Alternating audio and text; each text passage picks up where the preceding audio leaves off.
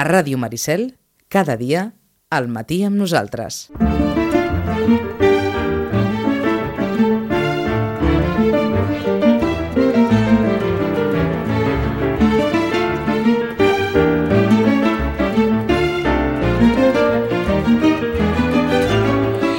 Rosana Lluc, durant aquests dies en què s'ha de fer espai on sigui i de la manera que sigui, amb moltes taules de la llibreria.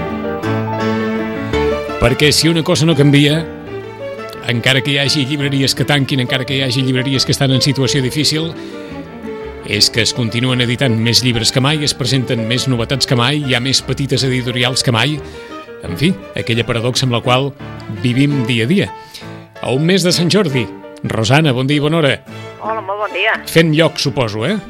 Sí, sí, sí, totalment. Fent lloc eh, a les taules i ara que deies això de que es continua editant més que mai, jo pensava, bueno, és que realment els editors estan dient que no, eh? que, que, que, que ha baixat el ritme de producció, però jo ja he anat a dues presentacions que dos editors s'han atrevit a dir que hi ha més gent que escriu que que llegeix jo diria, home, també hi ha més gent que dita del, del que necessitem, eh? però vaja. Eh, això, vol dir, això vol dir que no et creus el que diuen els editors. No, no, no. no, no, no. Si, si és així, eh, és que no sé què ens passa, perquè eh, eh, potser sí, clar, a veure, també hem de reconèixer que doncs eh, sí que és cert que la gent s'està queixant de... Les estadístiques diuen que la gent llegeix menys llibres, dic llibres, eh? no dic que no llegeixi, sinó sí. simplement que llegeix menys llibres. I per, per tant, vull dir, per molt que ditin, si es llegeix menys llibres, doncs mm, no fem res, vull dir, es nota encara més aquesta, aquesta disbauxa de dir hi ha masses títols. Perquè a nosaltres ens ha agradat més la teva segona frase.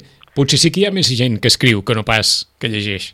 Sí, sí que n'hi ha, sí. sí. No, la veritat és que hi ha molta gent i la veritat és que t'haig de, de dir que fins i tot en, en Joan Colell, el Pere Tàpies, sí. ja ho deia. I ja ho deia, vull dir, ell deia fa 3 o 4 anys en una presentació també ens va dir um, escolteu, ara ja ha arribat el moment en què jo diria, jo diria, va dir ell, que hi ha més gent que, que escriu que no pas que llegeix. I, i la segona cosa seria, home, potser que llegim més, eh? En comptes d'escriure tant. Eh? I això que diuen, Rosana, que l'escriptura va de baixa. Sí, doncs no, no sé, no sé o, on va de baixa, eh? O que, cada, o que cada vegada escrivim pitjor, o que cada vegada ah, l'utilitzem menys. Sí. Això, això sí. sí eh? Això sí que és cert que escrivim pitjor, eh? Doncs mira, uh, ara te'n presentaré un que també parla del tema. Eh? Ara reiem quan érem petits que hi havia aquells llibres Escriviu bé el català. Sí, sí. I un, però... llibre, un llibre es deia així, que era un, vaja, allò, mira, va, posem-nos-hi. Mm? En fi. Doncs mira, doncs hi havia l'altre dia, per això Eh, coses que, que, que tenim aquesta complicitat amb els clients, etc que de vegades dius, ostres, et sorprenen i et diuen, escolta, tu que estàs amb això del llibre i tal, mira, uh, uh, acabo de llegir aquesta revista, era Le Figaro, i, diu, oi que tu també ets, dic, sí, sí, jo també el francès també som, som de l'època que sí. havíem estudiat francès, per tant, cap problema, ja es diu, diu és que surt el Bernat Pivot, eh? sí. i a més a més hi ha un altre article sobre la influència del llegir en el cervell. Aturem-nos un moment per sí. tothom en general, n'hem parlat més d'una vegada, Bernat Pivot és l'home dels llibres a França. Exacte. Diguem-ne, el referent en l'àmbit de la comunicació del món del llibre. Sí. Bernat Pivot. Per tant, Bernat el... Pivot. I només, només he pogut llegir, perquè allò que ens passa, la tinc allà per llegir, he pensat, bueno, doncs te la llegiràs en calma, perquè eh, només he vist les, allò sortir-los més amb negreta, no?, que diuen, um, eh, jo torno a demanar que es posi el dictat. Oh, aquesta és bona també. Per això que dèiem, eh? De que escrivim pitjor. Doncs dius, bueno, clar, és anacrònic, eh? El dictat és anacrònic. Escolta, mm, nosaltres som d'una època que no fèiem faltes d'ortografia. No en fèiem. Simplement no en fèiem perquè no en podíem fer, eh? Ah, exacte. Perquè, perquè ens, ens marcaven d'una manera, també és veritat, que eh. doncs, eh, el del català, a veure, mm, jo almenys, tu no, suposo que no, però jo almenys ho vaig haver de fer quan ja ja estava donant classes, mm -hmm. o sigui, mhm. ja estava licenciada, amb, amb. Amb el, amb el català ser una mica més lax a l'escola, perquè era sí. De la llengua que té més excepcions que no pas sí. regles, però en el cas del castellà, que nosaltres som d'aquella època en què sí. les comes, els accents... Sí, tot comptava. Tot comptava. Ja no parlo de les, de les B altes o les B baixes o les Ui, I llatines o les I gregues. Això quedava fora de seu O, o les Hs i, i totes aquestes coses, eh? Però, però és clar eh, eh, Bernat Pivó que diu a Le Figaro que jo torno a demanar, i ho diu a França, que s'incorpori al dictat. Que... mm, Bueno, eh, doncs mira, eh, començant amb això, ja que, Sí. sí. que hem començat amb aquest tema, doncs us presentem un llibre que ha editat Nòrdica Libros d'una persona que va ser Premi Nobel, eh, una poetesa, la Vislava Shimboska. Eh, S'ha editat un llibre d'ella que es diu Correo Literario. Correo Literario era la revista en la que ella doncs, era una de les persones que, que, que era al costat de l'editor, hi havia ella, i doncs rebien tot de manuscrits de gent, i llavors havien de, clar, que els hi demanaven l'opinió per si era possible doncs, posar-los en la revista, o, o simplement els hi demanaven l'opinió. Eh? I ja s'ha fet un llibre de les cartes que ella contestava amb les amb els, diguéssim, amb la gent que els hi enviava manuscrits. Eh? Mhm. um, ja us ho avisem, era àcida, era molt dura de vegades amb la gent, però creia que doncs, el que se publicava era literatura i per tant ella deia la seva opinió. Mm? Uh, hi ha una carta, per exemple, d'un tant uh, WTK Poronin, eh? que posa entre cometes perquè era el que deia aquest senyor, que deia pido perdón de antemano por las faltas de ortografía, pero tenía mucha prisa cuando estaba pasando el texto limpio. Això, Sí, encara, això encara ho diem més d'un, eh? Eh, sí, pues mira... Això que diu- no, és que anava molt ràpid, és que anava... Sí, sí. Mira, ella le contesta, es curioso, hasta ahora pensábamos que las prisas afectaban solo a la legibilidad de la letra. Además, si ya nos ponemos así, haya se escribe más rápido que haya. Y por otra parte, ¿para qué todas esas prisas? ¿Mm? Primero, el fin del mundo no será hasta mediados de febrero. Segundo, no se sabe si el fin del mundo afectará también al correo literario, que es la revista que está. ¿eh? Sí. Tercero, sus versos son, de momento, apenas notas sueltas, de las que solo con una desbordante imaginación se podría llegar a hacer un poema. Un saludo. Dir, ja li he dit tot. Oh. O sigui, no és que no li presenti, sinó que li he dit, eh, eh, evidentment, vull dir, quina pressa, diu, eh, eh, home, si envies un text a una revista, el que no pots dir és que este- ho has passat de pressa, Sí. eh? Però, esclar, mm, vull dir, La, la frase és molt bona per això, eh? Que s'escriu més ràpid alla que alla. És veritat. és, és veritat. És veritat, encara que per poc, però s'escriu més ràpid alla que alla. Sí, sí, llavors, per exemple, n'hi ha un altre, perquè ho nos inquieta, el, eh, un tal Vigatovsk, eh? i nos inquieta el vigor masculino de esos relatos humorísticos y esos epigramas, porque usted no es que espere la risa del lector, no, ni mucho menos, lo que usted espera es su chillido, su carcajada y que se revuelque por los suelos arrastrando consigo el mantel de la mesa y vertiendo el licor de guinda de la celebración del santo o cumpleaños. Los que no fueran capaces de reaccionar así se sentirían horriblemente aislados y un tanto innecesarios. És algo que no podemos permitir. Per tant, no li publiquen el text. Vol dir, vull dir és, és per riure una estona, Sí. prometo que rius una estona, perquè, clar, um, ella deia, el talento, algunos lo tienen y otros no lo tendrán nunca. Mm, clar, era dura, era potser, potser, però clar, eh, són les respostes que ella fa eh, a, a, aquells escriptors que pretenien doncs, ser debutants, no? Sí, sí. I que, Clar, avui, mm. I que avui ens criden molt l'atenció davant el context general en què ens movem, eh? Exacte. I llavors, bueno, com que s'ha començat aquest tema, he pensat, Sí, bueno, sí. com que aquest llibre, eh, la veritat és que, saps allò que l'agafes i com que no, no, no has de seguir ni cap, ni cap fil, ni res de res, però no n'hi ha cap de fil. O sigui, són les cartes que ella eh, contestava, i evidentment és una, sele una selecció eh, de les cartes que ella contestava a tota aquesta gent debutant que li demanava opinió sobre el text i que intentaven doncs, eh, doncs publicar-lo en aquesta revista que es deia Correo Literario. Uh -huh. La traducció ve de la mà d'un vilanoví afincat a, ara mateix està, està vivint a, a Rússia, però la veritat és que és el, el traductor, l'Abel Múrcia, que és el traductor de, la, de molts dels poemes publicats de la Ximboska, perquè ell estava a Polònia. Ahà. I, I llavors, com que ha viscut tants anys a Polònia, um, doncs eh, va conèixer la Ximboska i li va, li va demanar que traduís els poemes. I, per tant, eh, aquesta traducció de les cartes està feta en, en, en conjunció amb una altra persona d'allà, que és d'aquests noms impronunciables, Katarina Motorniovics. bueno, aquesta sí que hem de reconèixer que no coneixem, però ens ha fet gràcia aquest correu literari perquè hem vist que es pot ser, mm, diguéssim que s'hauria de ser potser més políticament Sí, correcte contestar. Bueno, potser eh, més val no donar esperances a algú que està escrivint malament, no? Sí. I dir, mm, tu, mm, eh? vull dir, molts autors el que diuen és i per què la gent no llegeix més abans d'escriure, no? Perquè si llegissis més, potser hi ha un, eh, aquí en, el, en una de les cartes que li diu excel·lent, ho ha fet excel·lent. Vostè ens ha copiat aquests, aquests, uh, aquesta, aquesta primer tros de- d'aquesta obra, però jo li l'animo perquè ja va haver un que va copiar un tros del Thomas Mann Home. intentant colar-ho com si fos seu. Diu, jo l'animo a agafar almes muertes perquè en tindrà per més. Veus? O sigui que en aquella època, en aquella època ja es feia, eh? Això de Ja copiar i pegar ja es feia, eh? Ja es feia, eh? Ja es feia. Doncs, en l'any Fabra, Sí. si algú es vol posar, doncs, això, en com es podia contestar en un determinat moment aquells escriptors que intentaven perseverar en el món de l'escriptura, aquí hi ha totes aquelles cartes que la Vislava Chimbosca contestava als que pretenien fer-se una carrera en el món de l'escriptura. A Correo Literario, editat per Nòrdica Libros, per qui li vingui de gust, sobretot aquells que, que són especialment lletraferits, veure com es podia arribar allò a contestar i a posar a lloc aquelles persones que volent sent escriptors no tenien encara el domini de la, de la semàntica i de l'ortografia com calia per començar una carrera. Bé, una de les propostes que ens ha comentat la Rosana Lluc per començar, però on podem seguir? Mm, no sé, eh, potser que acabem amb poesia, però comencem, continuem, doncs, amb, per exemple, amb un autor que també va ser Premi Nobel, avui, avui sense voler hem agafat dos Premis Nobel, però aquest eh, sí que és viu i a més a més és eh, Laurent Pamuk.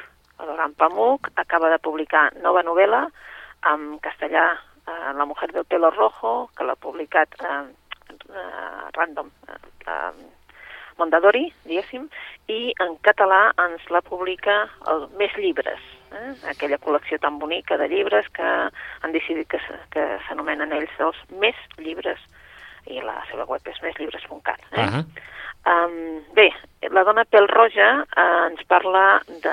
Evidentment, és una història situada a Turquia, eh, a les afores de Turquia, l'any 85, i ens porta amb un, amb un home que, que és el que sap fer pous, està fent pous, i el seu uh, aprenent, que els contracten per, uh, per trobar aigua, i l'han de trobar, evidentment, en un lloc que és molt difícil, que és molt estèril, que no hi ha aigua, que no... i necessiten doncs, excavar, excavar, mm, clar, ells excaven a veure si en troben i el que neix entre ells dos doncs, és un vincle molt fort, que, que seria com si no, cada dia estan allà lluitant, lluitant per veure si troben aigua, no? i de fet és una, també un vincle que seria com si fossin pare i fill, que no ho són, sí. i, i, i una dependència. Eh? Però hi arriba un moment que aquest adolescent, el nano, pues, s'enamora d'una noia, una noia una mica misteriosa que té el pèl roig. Eh? És un amor d'aquells que el marcarà. Eh?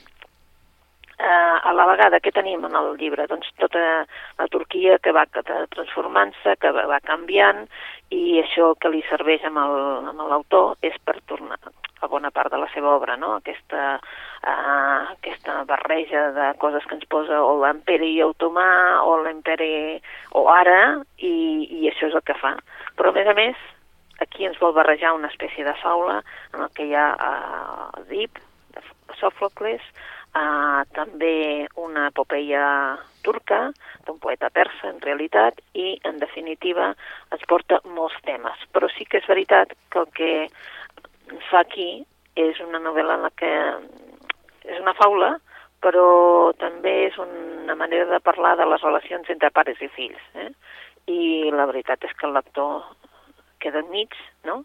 eh, observant això de que com podrien ser les relacions eh, i aquest mite d'Edip que tots portem a sobre, sembla ser, doncs és una exploració profunda i de- d'aquesta capacitat d'oc- d'ocultar els nostres sentiments moltes vegades. Mm. -hmm. Ja veurem si, si, si funcionarà. Eh, sabem que a altres països ha sigut una, una novel·la difícil perquè hi ha països que han encantat i en canvi Anglaterra doncs, no, no ha agradat gaire Vaja. i estem aquí pendents de si el Pamo que aquesta vegada doncs l'encertarà.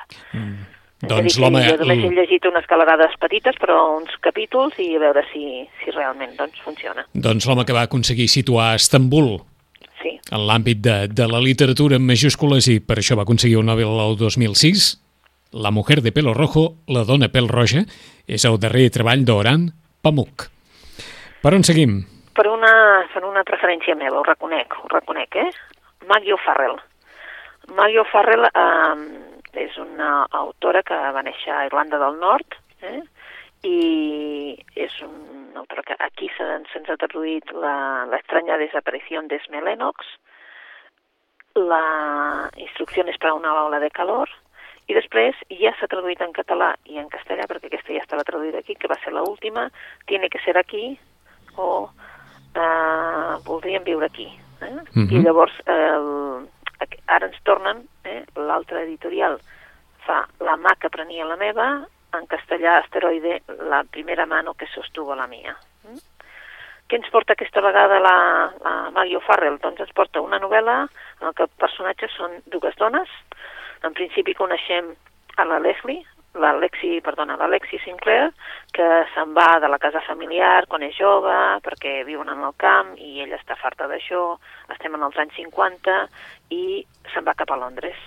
Se'n va cap a Londres, allà coneix a Lynn Sken, que és l'editor d'una revista d'art, i aquest el introduirà en el món de bohemi, d'aquell Soho dels anys 50 ja, eh?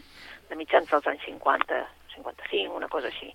I bé, evidentment això l'encamina amb ella cap a una cap a un indret molt diferent del que s'esperava d'ella, perquè vivia en el camp, eh, per tant, esperava doncs, que tingués família, etc etc. Però ella el que pren allà eh, doncs, és l'ofici de periodista i bé, doncs tenim la vida d'una persona, d'una dona que anirà relacionada 50 anys després amb un altre personatge, eh, un personatge que és la, la Elina. Mhm. Elina és un personatge que acaba de tenir una criatura i que ara mateix està com una mica, diguem-ne, no sabem dir-li la paraula, potser una mica despistada, una mica mm, no sap ben bé què té, però una mica tot el fet de tenir una criatura ha trassucat la seva vida.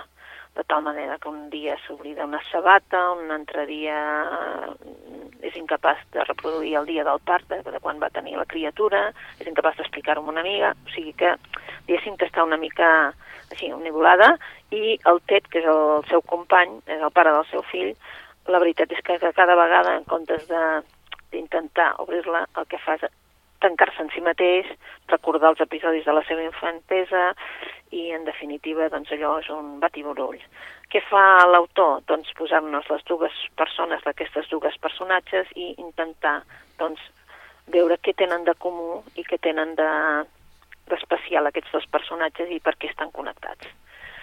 Si és igual que les altres, ja us dic que jo només l'he començada i he quedat mm, fins a les dues de la nit. O sigui que... Uh, O sigui que molt t'ha bona, molt bona. t'ha atrapat, però vaja. A mi m'atrapa, sí, però la Maggie O'Farrell té aquesta mm, manera d'atrapar-te, de portar-te cap al seu territori i que tu vas de la mà d'ella i vas amunt i avall, perquè sí, això sí, sempre va, uh, fa aquests flashbacks, no?, que va endavant i després va cap darrere de la vida d'aquesta gent i coneixem més, més la vida d'aquesta gent i uh, estàs fins al final emocionat. Mhm.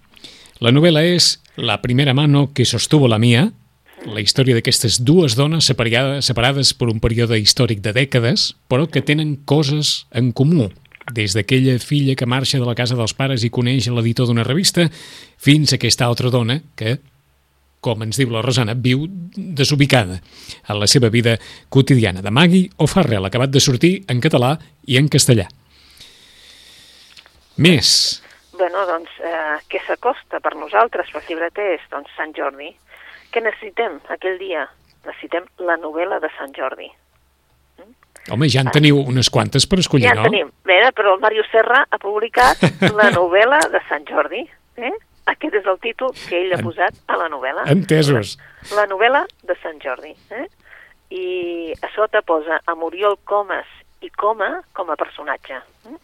Uh, evidentment, havia de ser una novel·la del Màrius, el que no pot ser la novel·la del Màrius seria una novel·la de, diguéssim, de allò farragosa, seriosa. No, és el Màrius, eh? Per tant, és una novel·la molt mordaç, molt irreverent, evidentment, i sobretot és d'aquells satírica. Mm? Per què? Perquè què fa amb la novel·la de Sant Jordi? Clar, ens fa què és per tothom el Sant Jordi, no? Pels lectors, ell diu, pels lectors, bueno, és una festassa, no? És una festa, és una... ho vivim com una cosa molt bonica. En canvi, pels escriptors i editors, viu una jornada d'allò esgotadora, esgotadora. De nervis, sí, de nervis perquè tothom per una cosa o per altra, uns volen estar a les llistes dels més venuts, els altres volen doncs, eh, signar molt. Mm, bé, de totes aquestes diades nosaltres que tenim com a, com a poble, aquesta és la més important per tots els protagonistes que fan també aquesta novel·la. Hi ha un personatge que és el Mario Serra, eh? que és personatge i que ha publicat per primer cop amb un segell molt prestigiós, eh? Que és el Llorem Ipsum. Eh? Ah, hi ha un, clar, evidentment, hi ha un, hi ha un editor, un editor d'aquells de referència i tal, que és en Nil Illa, i evidentment, què aspira aquest editor? Reiem, reiem per això del Loren Ipsum, eh? Què et sembla? Perquè vostès eh? diran, ai, ai, ai, ai, bé, el Loren Ipsum és el, el clàssic paràgraf que s'utilitza per allò, per, per fer una mostra de maquetació. Exacte. Que comença sempre amb l'Orem Ipsum i alguns, i alguns han arribat a publicar el paràgraf així tal com raja. Eh? L'Orem Ipsum, no? Exacte. Tanquem el parèntesi. Total. Vinga, doncs, total, ara que ho has, has, posat, doncs mira, eh, eh, evidentment aquest editor de referència el que vol és encapçalar les llistes de vendes, només faltaria, eh?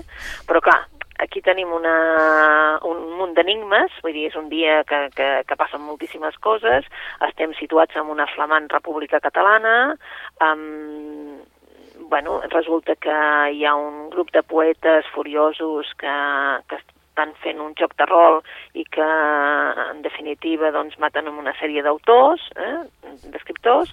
Eh, Bé, mm, la veritat és que eh, aquestes sensacions de, de, de, de l'autor, eh, perquè això ho fa l'autor, Sí, sí, sí. del Serra, eh, mm, bé, mm, ell està supercontent, està molt content de la seva novel·la negra, eh, però bé, eh, també, eh, també evidentment la gent literària, l'editor, però bé, aquella novel·la, en definitiva, resulta que és premonitòria. Mm? I al matí de Sant Jordi passen una sèrie de crims que, evidentment, doncs, eh, què passa? Doncs, doncs totes les parades de les llibres de Barcelona, allò és un caos, etc etc. La, la nota de premsa no té preu, eh? Sí? No, no l'he vista, no. Però no. ironia és del destí aquella novel·la esdevé premonitòria i durant les signatures del matí de Sant Jordi una sèrie de crims tan execrables com reals tenyeixen de sang les parades de llibres de Barcelona. Els autors més reconeguts van caient com a mosques i l'escàndol amenaça d'ensorrar els pilars sobre els quals s'alça la indústria editorial. L'ego, la vanitat, la venjança, l'ambició. El dit acusador de la sospita apunta amb insistència Mario Serra i el seu amic creador de jocs, Oriol Comas i Coma. Però res no quedarà a l'atzar en aquesta història. Ja ho veus, eh? Vull dir que, en definitiva... Això dels pilars de la indústria editorial dona també per una llarga conversa, que suposo que li preguntaran a Mario Serra en algun moment. L'ego, la vanitat, la venjança, l'ambició. Mm, doncs sí. Doncs Eh, sí. Tot això, tot això que ell moltes vegades, i no només ell, sinó molts autors, doncs, no? que doncs, ha- han dit que, que ja n'hi ha prou, vull dir que tota aquesta falera per encapçalar les llistes, Llistes. de vendes i, i a veure qui signa més i, i és una cosa que, clar, la veritat és que passa molt a Barcelona, això és veritat, eh? Això és veritat que nosaltres, els, els, Que és, de és, un, comarques, és un fenomen de capital, eh? Sí, és un fenomen de capital, vull dir, a nosaltres el que ens interessa, doncs, mm, a mi m'és igual si és el més venut o no el més venut, m'entens? Vull dir que jo crec que en realitat passa molt a la capital, perquè a més a més, clar, com que es posen molt, les, molt un al costat de l'altre, com que estan totes les parades juntes, que això també passaria en qualsevol lloc, eh, però quan les parades estan molt juntes, doncs esclar, es nota molt qui està signant molt i qui no, perquè Mhm. Eh, de cop i volta veus cues i cues en un lloc i, i, i, i, i, i ningú a l'altre, no? I llavors, clar, dius, home, això tampoc no t'ha de sentar bé. Eh? No Home, en, bé, eh? ens ha sorprès perquè què s'esperava una novel·la de Mario Serra per, per Sant Jordi? eh? S'esperava aquesta novel·la? Eh, Es deia que, que l'estava fent, sí, però no... Bueno, parlant amb ell, sí, sí, estava fent una novel·la i tal. Ara, el que no s'esperava és que això... I t'haig de dir que, a més a més, que si és la novel·la de Sant Jordi... Eh? Per Perquè això, per això. Eh? Sí, eh? perquè això, a més a més, si recordes, fa uns anys eh, deien per Sant Jordi el Sant Jordi, no? Sí. El Premi Sant Jordi. Sí, sí. I clar, mm, molta gent deia la novel·la del Sant Jordi, la novel·la de Sant, Sant Jordi. Jordi. I llavors, clar, pam, eh, i ell una altra vegada més se n'enriu del tema i posa la novel·la de Sant Jordi, Jordi. no? I, i a més clar, i a més a més t'haig de dir, a més a més com a curiositat, que les caixes on venien les novel·les de Sant Jordi posava una, una enganxina que deia no t'enganyis, aquesta és la novel·la de Sant Jordi. Veus? I la, por... I la portada no té preu. L'ombra. Eh? un escriptor i l'ombra de l'escriptor és simplement la mort amb la daga que, que el persegueix, eh? Tenim la sensació que aquest llibre farà, que passarà alguna cosa amb aquest llibre per Sant Jordi. Sí, Vaja. jo crec, que, jo crec que sí. Jo crec que, que a veure, que, que jo crec que a la gent tota aquest, aquesta ironia, sobretot nosaltres, eh, com a poble, ja saps que som molt irònics, molt àcids Mhm. nosaltres, i jo crec que això apel·larà també molt al lector, eh, el fet de, de que se n'enrigui del tema, no? Sobretot del tema doncs, de, del dia de Sant Jordi, de- d'aquesta falera, no se'n riu de, de, del dia de Sant Jordi, eh, d'aquesta falera Era de, de les vendes i de quin és el llibre més venut i tot plegat, sí, eh? i sortir les llistes i si no et surts vull dir és com si t'haguessin fet alguna cosa, t'haguessin Mhm. ferit i dius, bueno, Eh, eh, aquesta història que vostès diran, oi, mira, de- sembla divertida tal, 368 pàgines, eh? O sigui que Sí, sí, encara no, que eh, dongui, no. dongui la sensació d'una novel·la lleugera, doncs eh, la novel·la comença el 23 d'abril a les 5.55 del matí. Aquest és el primer capítol. El segon és a les 6.59. I aquesta història comença, evidentment, amb la història d'un d'un autor. I, I comença així, eh? És Sant Jordi i l'assassí encara dorm. Dorm el seu cos i dorm la seva culpa perquè només és un assassí en potència, un vell dorment amb plans de futur. Quan obri els ulls, començarà a sospitar que avui és el dia. Només ho sospitarà, perquè mai no ha mort ningú, fins ara, tot i que sovint ha pensat que podria fer-ho. Ja fa temps que el mou la malícia. Així comença el llibre, la novel·la de Sant Jordi, de Mario Serra. Aquesta proposta, vaja, diguem-ne que ha trencat una mica el clima que havies creat, eh? exacte, sí, bueno, eh, hem dit, bueno, com que a més a més ve, ve, mm, a veure, ve, ve Setmana Santa, no? Exacte, una mi- També, diguem, eh? I una mica de gresca sempre va bé. Bueno, Una mica d'ironia, una mica ah, de... exacte, Eh? també, va bé, no? Una mica d'allò va, va bé. Per Va on bé. seguim? Bueno, seguim, bueno, eh, se- sense moure'ns de casa, se n'anem cap a Venècia, i qui és la gran autora que totes les novel·les la situa a Venècia? Doncs precisament una autora que viu allà, però que no escriu en italià ni vol que es tradueixin a l'italià les seves novel·les, la Donna Leon. Eh?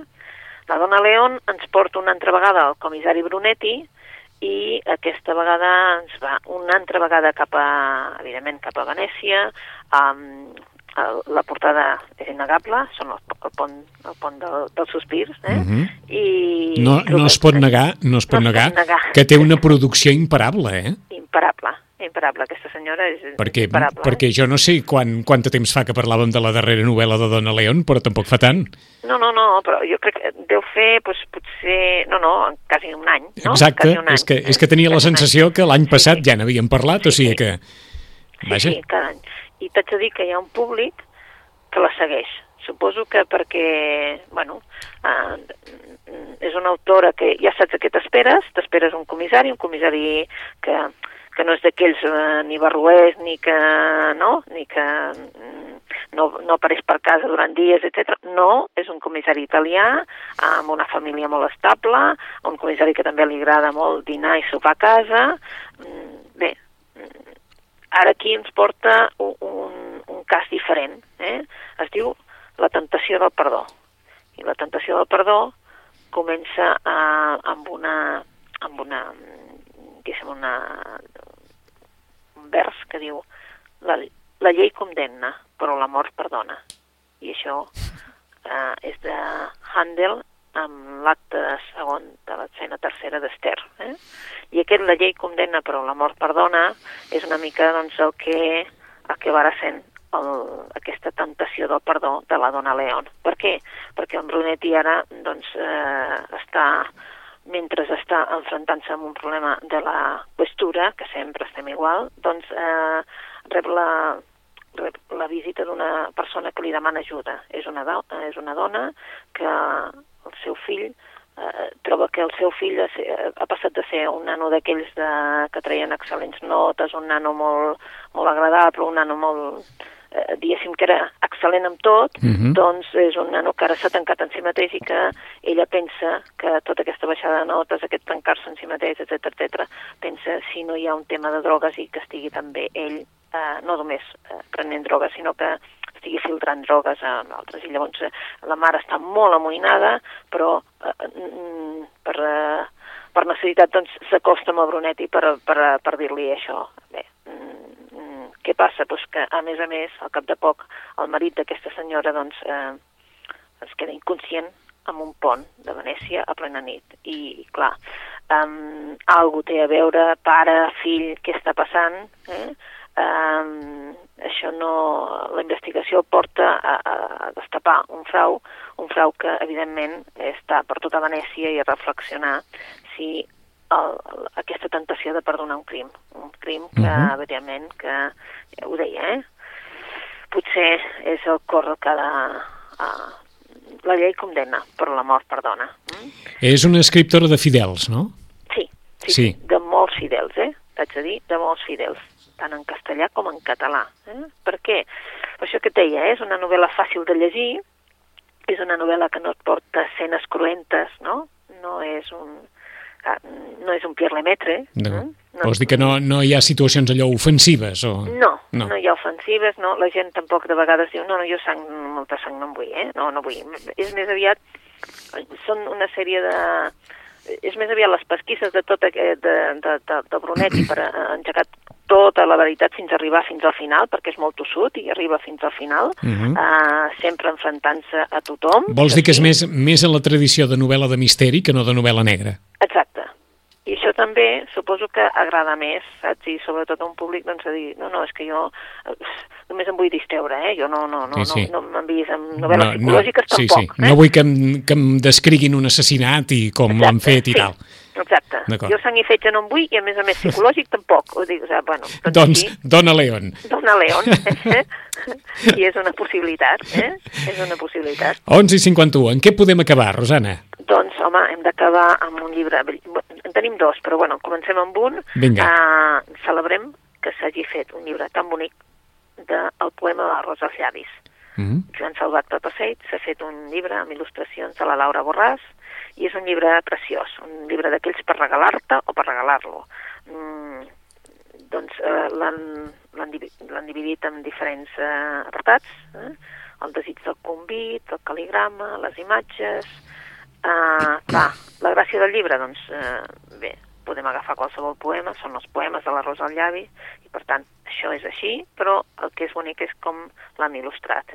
I llavors, clar, el, el, el format del llibre també és amb tapa dura i és, doncs, ja que eh, encara que faci fred i estem, estem a la primavera, és un llibre amb molta flor al davant i per tant hem pensat que no es podia celebrar d'una altra manera, però a veure que amb el poema de la Rosa Llavis. Yes.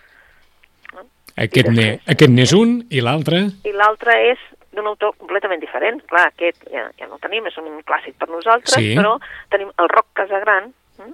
el Roc Casagran, que eh, la veritat és que ha tornat a publicar eh, aquesta vegada un llibre de poemes, amb un pròleg del Feliu Formosa. El Feliu Formosa ens diu ja en el pròleg que diu, el Roc, quan em va demanar el pròleg, em va dir, bueno, jo ara mm, no, no escric poesia, però de fet, diu el Feliu Formosa, no l'ha deixada mai, perquè fins i tot en la seva novel·la ell va posar uns poemes que després es van musicar i fins i tot es va fer disc. O sigui que mm, no ha deixat mai la poesia al Roc Casagran. I, per exemple, diu, diu un poema que és més facilet, diguéssim, diu Pregunto, es diu el poema. I si ens partim pa i dolor i anem tirant sense punts i no temem l'horitzó i en ser vellets estem junts? És una poesia, doncs, mm. molt clara, una poesia que t'arriba, una poesia que dius, bé, uh, completament diferent de l'altre autor, però, per exemple, la vida teva. Jutjar-te seria creure'm. Ma, perdó, jutjar-te seria creure'm massa important. Fes que la teva vida sigui la vida teva. Són poemes molt curtets, eh, en la portada ja diu nosaltres no volíem dir l'amor com et diuen els llibres i vam triar d'escriure'l mentre arrencàvem pàgines al món. En Ros Casagran ja té un públic, la veritat és que té un públic, eh, públic jove, jove vull dir de, de, de 20 a 30, eh? No, no Sí, jove, sí, jove, sí, eh? sí. Ja, eh? De 20 a 30 i pico, que segueix el rock i la veritat és que suposem que aquesta vegada que ha fet un llibre de poemes també serà un dels llibres que els hi arribaran, Mm. que, cosa que ja saps que la poesia costa molt i molt de, de publicar i, i, i de que arribi a, a qui ha d'arribar. Està clar, però ara ens miràvem aquesta portada de la reedició del poema de la Rosa als llavis, que ens deies amb, amb il·lustracions de Laura Borràs del Mau. És tan bonica aquesta portada i l'interior del llibre Sí o no? que, que veritablement és un llibre per, per Sant Jordi, eh? Sí. És, és, un, és un un llibre de, de, vaja, de primavera, és, és per Sí. allò, per deixar sobre qualsevol taula, cadira, butaca i, Exacte. i alegrar la casa, eh? Exacte, és, és Una- aquell llibre que dius, oh, que bonic, no? Sí. Que, que bé que l'han fet. Dir que- Exacte, exacte, així que- d'entrada. Perquè el sí. poema té molts anys, el poema és de l'any Sí, 23, o sigui que, sí, sí, que, sí. que, que ha passat molt de temps des de- Potser des sí que d'això. És un clàssic nostre de, de, de, de, que la llegiríem nosaltres quan...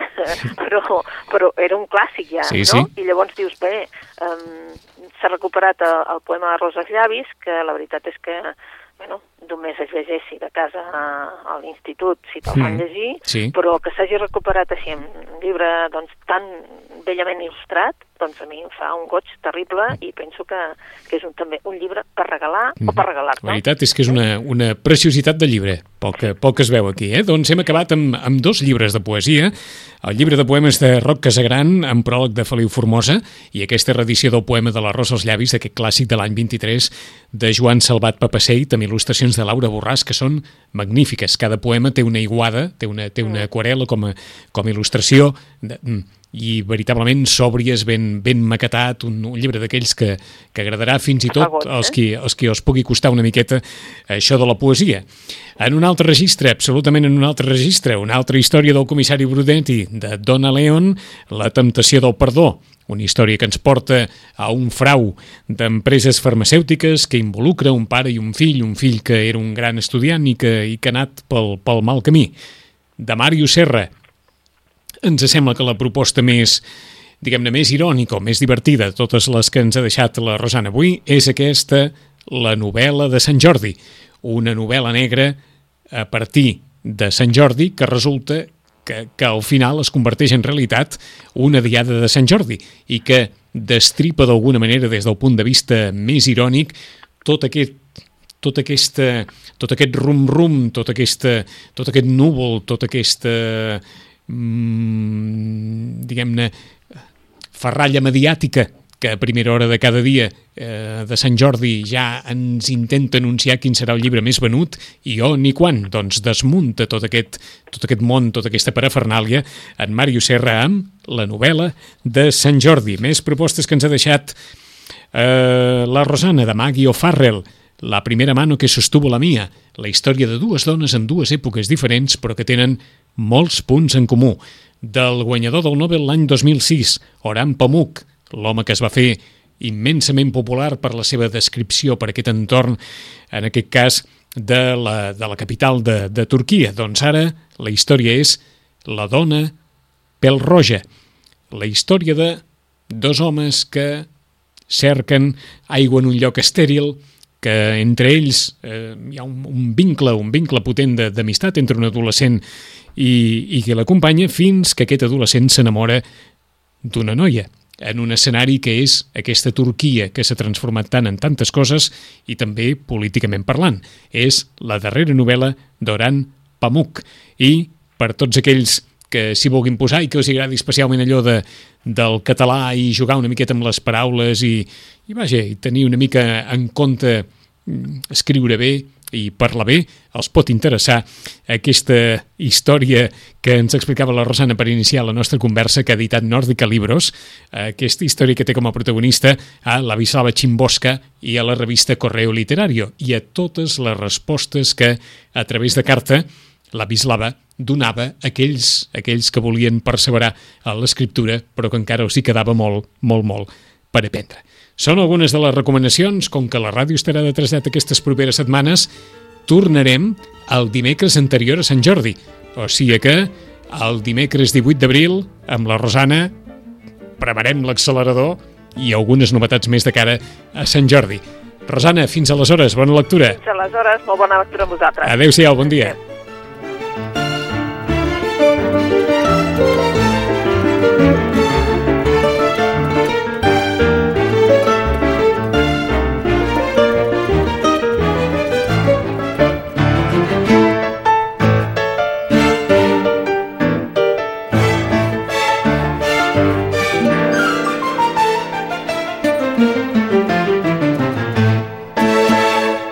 Ràdio Maricel, 107.8 FM.